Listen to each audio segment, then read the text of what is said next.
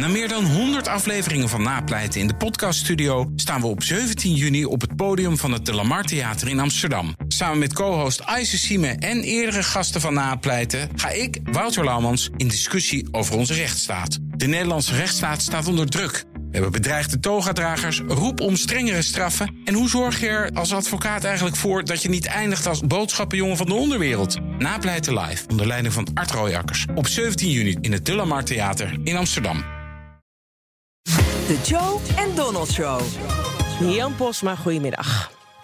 Ja, goedemiddag Roos. Ja, nog uh, iets meer dan een week en dan zijn de Amerikaanse verkiezingen. Ja. Dus nou, het land stond al in campagnestand en dat uh, wordt langzaam heter en heter daar. uh, wij nemen je even de stand van zaken met jou door. Vanavond wordt er gestemd over Trumps genomineerde voor het Hoge Rechtshof. Nou, dat lijkt me meteen een belangrijk campagnemoment, toch? Ja, dat is het zeker, Roos. Uh, die, die benoeming sowieso die gaat er wel komen. Dat weten we wel. Republikeinen staan achter haar. En uh, zij hebben de meerderheid in de Senaat. Dus dat komt allemaal wel goed. Uh, en dit is natuurlijk meteen een belangrijke verkiezingsbelofte weer... die, die Trump hier inlost. Hij, hij beloofde conservatieve rechters aan de Amerikanen. En dit is nummer drie al. En dan denk je misschien, ja, zo'n onderwerp... Dat, dat zal bij de gewone Amerikanen misschien niet zoveel losmaken. Kan ze niet veel schelen. Het is toch ook een beetje stoffig, zo'n rechter. Maar echt niets is minder waar... als als ik met conservatieve Amerikanen praat, dan gaat het altijd binnen no time over die rechter. Uh, dan gaat het over abortus, wapenwetgeving, godsdienstvrijheid ook. Dat zijn dingen waar mensen echt meteen aan denken die ze echt super belangrijk vinden. Dus uh, Amerikanen op het platteland met name, die, die kijken hierna en voor hun is dit echt een feestje. En uh, is het voor Trump ook zo'n feest dat hij het wil vieren bij het Witte Huis? Gaat hij er nog iets omheen ja. organiseren?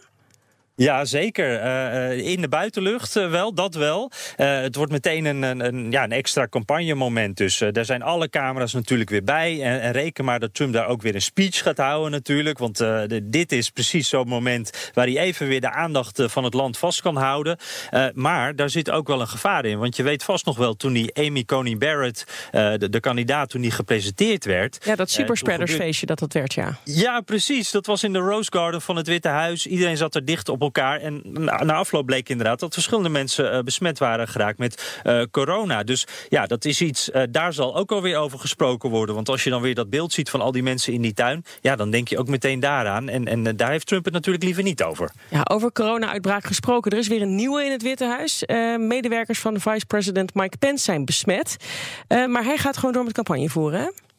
Ja, ja, dat is wel opvallend. Want, want de teller staat nu op vijf mensen in zijn omgeving die besmet uh, zijn geraakt. En daar, zitten ook echt een paar mensen uh, tussen die heel direct met hem samenwerken. Zijn stafchef bijvoorbeeld. Dat is iemand waar hij dagelijks contact mee heeft. Die ook vaak met hem meereist. Die, die dicht bij hem is, letterlijk. En zijn bodyman. Uh, dat is de persoon die hem overal volgt om, om de kleine dingetjes te regelen. Nou, die is ook altijd dicht bij de vicepresident.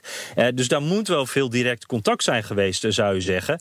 maar de Pence-campagne zegt er is geen reden om in quarantaine te gaan. Uh, we gaan gewoon door met campagne. Nou, hij testte vandaag ook uh, negatief, dus dat is goed nieuws. Maar er is ook wel kritiek hoor, want, want ja, hij is natuurlijk het hoofd van de corona taskforce. En, en hij gaat gewoon door met campagne. Dus, dus als hij dat al niet serieus neemt, ja, wat moeten gewone Amerikanen dan? Gert-Jan, je wilde een vraag stellen over Poetin, begreep ik? Nou, ik vroeg me af, Jan. Um, Poetin die, die heeft zich uh, uitgesproken uh, eigenlijk een beetje tegen Trump.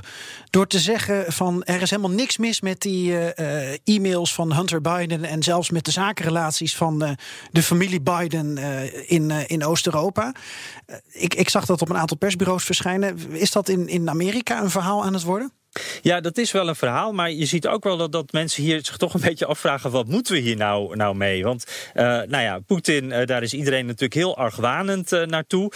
behalve in het Witte Huis zou ik dan willen zeggen. Nee, maar hier wordt toch altijd wel een beetje zo voorzichtig gekeken naar wat Poetin zegt en wat wil hij daar nou precies mee. En hier vragen mensen zich toch wel bij af van: ja, als Poetin nu zegt dat, er, dat het met Hunter Biden wel wat meeviel en dat daar ja. in ieder geval niks strafbaars is gebeurd, wat betekent dat dan? Hè? Er was bijvoorbeeld een, een, een ja, wat meer rechtse commentator hier op televisie. Die suggereerde dat dit misschien juist wel het bewijs is dat Biden wel erg verkeerd zit. Want als zelfs Poetin je al gaat verdedigen, nou dan moet er echt wel wat aan de hand zijn. wat ben, denk eh, jij, Geertje? Wat, wat kan hier achter zitten? Ja, wij maken met de eh, podcast Perestrojkast nu een serie over Oost-Europa en Trump en Biden. En, en dan zouden er twee of drie dingen mogelijk kunnen zijn, zeg ik even als eh, beetje Poetin-watcher. Eén, Poetin is boos op Trump vanwege Nord Stream 2 en probeert een pootje te lichten.